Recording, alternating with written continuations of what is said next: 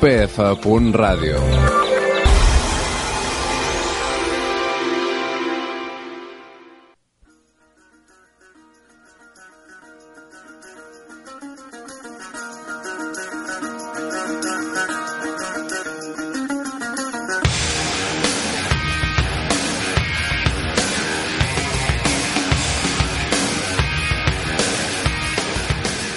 Benvinguts a Punt de Trobada. Aquest és un programa de varietats on trobareu una mica de tot. Tractem des de temes d'actualitat seriosos fins a anècdotes i curiositats.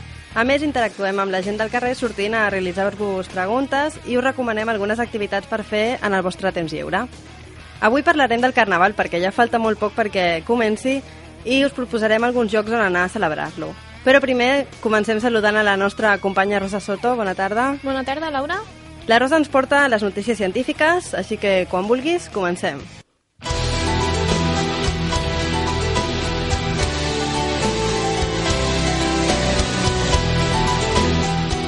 Google Lunar, Lunar X-Prize, la carrera espacial per... Ma...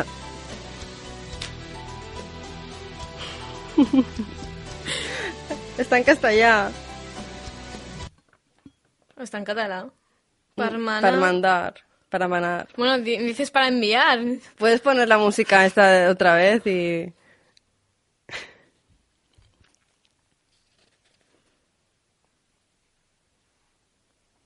Com és que si ho he traduït al castellà? Ai, al català?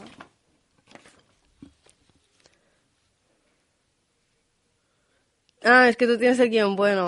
Me cago en... Perquè hi ha una paraula equivocada i... Fica per... És igual, és igual, ja m'acordaré. Es que posa, posa per manar, per manar. ¿Y ahora las canciones qué? No, no, que da igual, que se han marcado las cosas.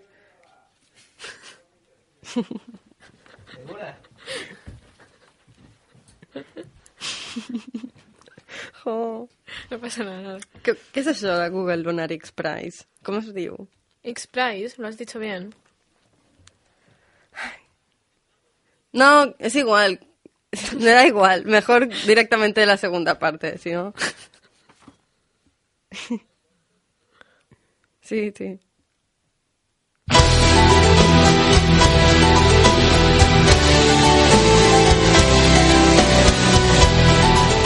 Google Lunar X-Prize, la carrera espacial per enviar un robot a la Lluna. Bé, doncs, Laura, resulta que hi ha 29 equips pertanyents a 17 països que, participe, que participaran el Google Lunar X Prize. Aquest concurs bé, és un concurs proposat pel gegant d'internet Google i està patrocinat per aquesta empresa privada, no? L'objectiu principal del, del concurs X-Prize és bàsicament que d'aquests grups que participen enviï cadascú un vehicle automatitzat a la, lluma, a la Lluna i que cada vehicle gravi eh, el recorregut d'aquest del cotxe que enviïn durant cinc- 500 metres. L'equip que primer porti a terme aquest objectiu eh, serà el guanyador d'un premi d'uns 30 milions de dòlars. És a dir, si la gent ja estava entusiasmi, entusiasmada quan veia la pisada de, de, de l'home a la lluna, els equips que hi participen, imagina't, no?, amb aquesta suma de diners. Eh, entre els 29 equips que corresponen a 17 països, un d'ells és català, és d'aquí, es diu Barcelona Muntim i està disposat a anar a la lluna i aconseguir aquest rècord, no? Eh, què més? Eh, bé, la iniciativa d'aquest concurs de Google Lunar X Prize, com ja he dit, bé, està patrocinada per l'empresa Google i per la Fundació X Prize. I aquestes dues, bé, els dirigents de la iniciativa el que volen és demostrar que el futur de la carrera espacial depèn del sector privat i que són capaços de desenvolupar uh, vehicles, uh, com es diu, vehicles espacials més barats i molt més potents que els que actualment les agències espacials turístiques estan desenvolupant per poder cobrar per fer viatges al sistema solar, no? Llavors el premi el financia Google o... El premi està financiat entre Google, entre Google i la Fundació X-Prize, que són els que organitzen el, cul- el concurs. I el primer dels 29 equips que, que faci la filmació dels 500 metres un cop hagi arribat al vehicle s'endurà 30 milions de dòlars, no? Llavors, després, la, cada equip s'ha de pagar el seu Cada propi equip s'ha viatge de pagar per el això, seu no? viatge, o sigui que... les seves instal·lacions, ha de pagar els astronautes o el vehicle que hi vagi, i entre ells un dels participants, com ja he dit, és Barcelona amb un team, que esperem que No sigui... vull dir res de que... Quina casualitat que siguin de Barcelona i no de Madrid. bueno, Deixo la indirecta. I deixa que acabo ja la notícia. Un últim apunt és que la NASA està recolzant la iniciativa i està disposada... Bé, ja se sap que comprarà dades relacionades amb la missió de la Lluna, que es va fer ja temps enrere, i comprarà aquestes dades per un valor de 10 milions de dòlars. És a dir, que aquí d'escata- escatimar diners res, no? I bé, bàsicament, l'última indicació és que la competició és la considerada la més llarga de la història i que va ser anunciada al setembre del 2007 i s'espera tenir un nom del guanyador al 2015. És a dir, que ja porten temps desenvolupant-la.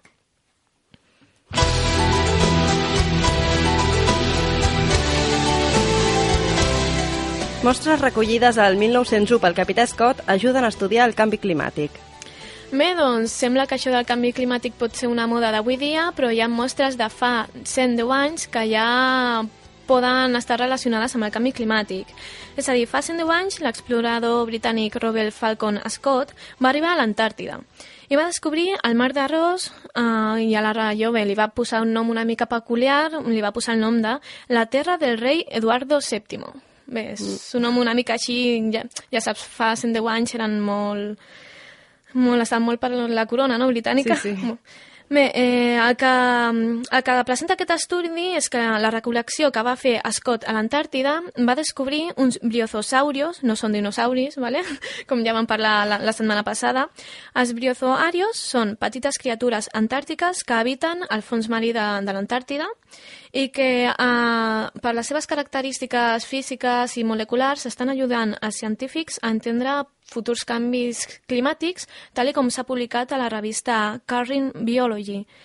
Eh, segons els investigadors que estan en aquest procés científic, eh, han, bueno, han descobert, després de comparar les mostres que han recol·lectat per Scott durant els anys 1901 i 1911, durant aquestes mostres i les mostres de la resta del segle XX han descobert que a partir de la dècada del 1990, és a dir, fa fa 20 anys, eh, han descobert que eh, aquests biosauris que diguem, xuclen com el CO2 que s'expulsa a l'atmosfera eh, van incrementar els nivells d'absorció. Això seria una mostra per científics de que durant aquests últims mm, 20 anys eh, el CO2 que eh, expulsen les indústries realment estaria afectant i com aquests organismes l'estan absorbint a un ritme màxim, no? perquè cada cop hi ha més accés de CO2 i això podria demostrar que realment el canvi climàtic existeix ja que hi ha polítics que el neguen, que no, que això és un procés normal de la Terra perquè hi ha períodes de glaciació i hi ha períodes de calentament, no? Doncs ara estem en una etapa de calentament segons alguns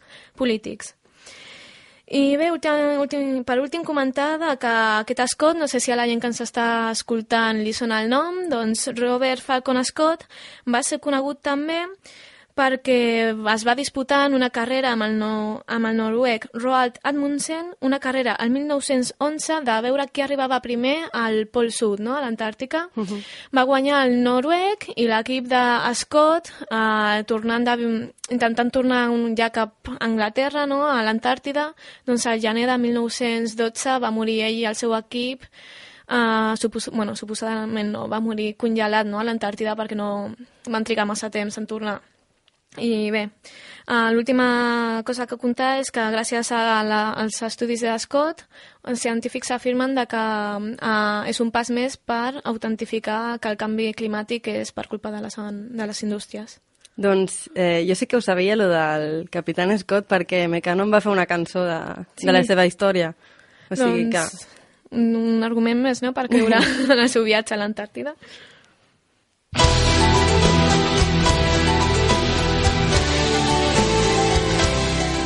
I ara parlem de conduir amb el pensament. Bé, no sé si tu, Laura, t'has tret el carnet de conduir, el tens? Sí, el tinc, però el tinc ben guardat perquè sóc una mica desastre amb el cotxe. vale. Doncs bé, tant per tu, Laura, com pels que ja tinguin el carnet, eh, us he de dir que no sé quan entrarà al mercat, però em sembla que heu estat estudiant el carnet no per res, sinó perquè ja estareu al Museu de les Coses Antigues, és a dir, eh, hi ha científics del Laboratori d'Innovació Autònomos de la Universitat Freie de Berlín que han desenvolupat una tecnologia denominada Brain Driver que permet conduir un vehicle sense moure les mans ni el peu, només amb sensors eh, al cervell, no?, al cap. Uh, llavors, aquests sensors han estat desenvolupats per Raúl Rojas, un espanyol que està dirigint l'investigació a Alemanya, i bé, Raúl Rojas i el seu grup d'intel·ligència artificial han desenvolupat un sistema que mesura les zones cerebrals com a partir d'electroencefalogrames, Vale? Llavors, aquests aparells distingirien els patrons elèctrics del cervell d'un usuari a partir d'uns com comands bàsics i llavors, quan la persona pensés gira a la dreta, gira a l'esquerra, eh, frena o accelera, aquests sensors, eh, diguem, ho analitzarien i faria que el cotxe fes el que un pensa, no? Uh, llavors, aquest sistema també compta amb un sofistic sofisticat grup de sensors que són càmeres que permeten visualitzar uh, cap a on estàs tu movent l'ull. Llavors, si mous tu l'ull cap a un costat, significa gira cap a aquell costat, no? Llavors, no sé, jo personalment no sé si aquesta notícia, és a dir, aquest invent és uh, algo útil perquè, clar, llavors ja és sé... una mica mm. perillós, no? no? No es pot, en un cotxe no es pot estar entretingut parlant amb, amb la gent, però això que tu vas mirant les senyalitzacions i, bueno, pots tenir una conversa, però si ja no pots ni pensar ni comentar alguna cosa, a la que miris al del costat el cotxe se te'n va, no? Ja, ja. T'estàs veient. M'imagino el nen petit, mama, mira! Pum, i sí, sí. És que no, no, no ho acabo de veure i tampoc sé si el dels sensors va molt bé pel cervell, ja, no? Ja, llavors l'últim, eh, de moment s'ha provat a les pistes de l'antic aeroport de Tempelhof i en principi ha tingut molt bon resultat. No sé com es durà la pràctica al final. I bé, per últim dir que el Raúl Rojas l'any passat va provar aquesta innovació amb un dispositiu que va anomenar iDriver i que aquest dispositiu permetia conduir un vehicle amb el moviment dels ulls.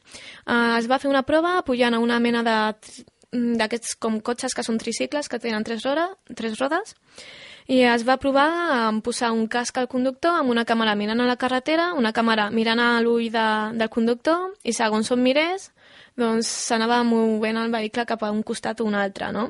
I això sí, en aquest cas eh, ah, s'hauria d'accelerar i frenar amb els peus, és a dir, que no seria ah. pensant la paraula frena, accelera, no? Com el cotxe fantàstic o la sèrie aquella.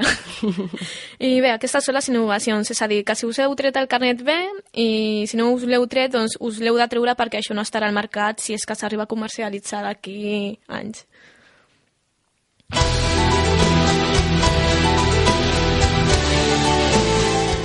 El millor amic de l'arqueòleg és Google Earth.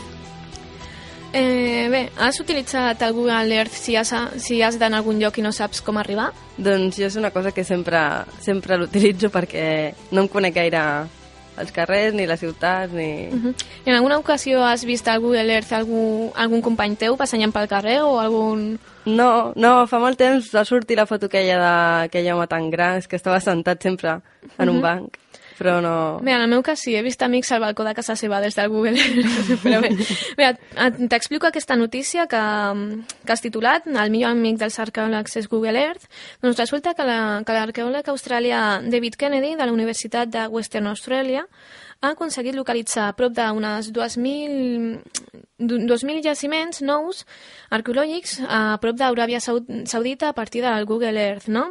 Llavors consideren que el Google Earth fa la broma de que és el nou Indiana Jones, no? El programa, oh, ha descobert el Rina. Quantes hores s'haurà tirat davant de la pantalla de l'ordinador? Sí, perquè t'explico com, com va ser. Resulta que per aconseguir observar aquestes do, do, aquests 2.000 jaciments nous arqueològics, l'investigador va escanallar al voltant de 2.000 quilòmetres quadrats a partir de les imatges del Google Earth. I, imagina't, no? En el programari satelital, es dius. Programari satelital de Google, el que presenta Google Earth. Llavors, a partir d'aquest mètode, d'aquesta manera, eh, l'investigador ha aconseguit identificar uns 1.977 jocs potencials sense arribar, sense estar físicament no? al desert, és, és a dir, mirant ha aconseguit trobar noves tombes que tenen un valor arqueològic interessant. I bé, afirmen que tots, de tots els descobriments, més de mil són corresponents a tombes que es troben a, a Aràbia Saudí i que comúment tenen forma de, de com es diu, de llàgrima, no? I bé, l'estudi i la seva metodolo- metodologia s'han publicat a la revista Journal of Archaeological Science. Ho dic per si tens interès a mirar la revista o algú vol més referències, no? I bé, un, per últim, comentar que Aràbia Saudí és un terreny ric en, que fins ara no s'havia explorat i que això ha animat a molts arqueològics mm, a anar-hi per descobrir els jaciments, el que implicaria tenir com més pistes d'on venim, no? D'on anirem? A les típiques preguntes no saben, però tenir més com una base històrica, històrica de quin- quins van ser els fluxos de relacions i bé, tota la pesca, no? I per últim, assenyalar que bé, Google Earth ha ajudat a, a trobar això, però que, a trobar les restes, però el que no ajuda és a datar, no? De quina data poden Clar. ser tombes de fa 150.000 anys o de fa 2.000, no? Vull dir... Però l'home al final ha anat i... Ha anat en cuerpo? Eh, no, de moment s'ha descobert gràcies a Google Earth. Llavors, això ha ajudat a, a estalviar-se diners anant buscant a llocs on se sap o que no podria haver res i ara saber que hi ha coses ja tenen localitzats on anar per gastar-se els diners excavant, no? Val, Vull dir. val, val.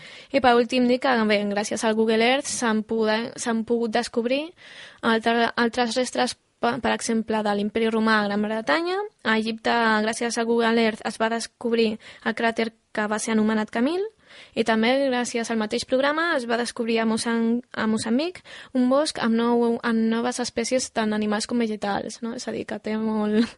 De moment hi ha molts experiments que gràcies a Google Earth han- s'han desenvolupat.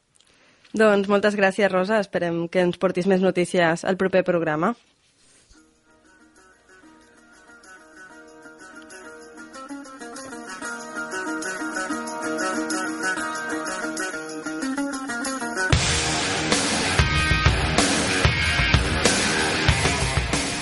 Doncs aquí acabem la primera secció. Esperem que hagueu passat una estona entretinguda, però no marxeu perquè a la propera parlarem del Carnaval. No sé si sabeu què fareu, però quedeu-vos perquè escoltareu les opinions dels vostres companys de la Pompeu i algunes recomanacions per si encara no teniu gaire idea de què fer.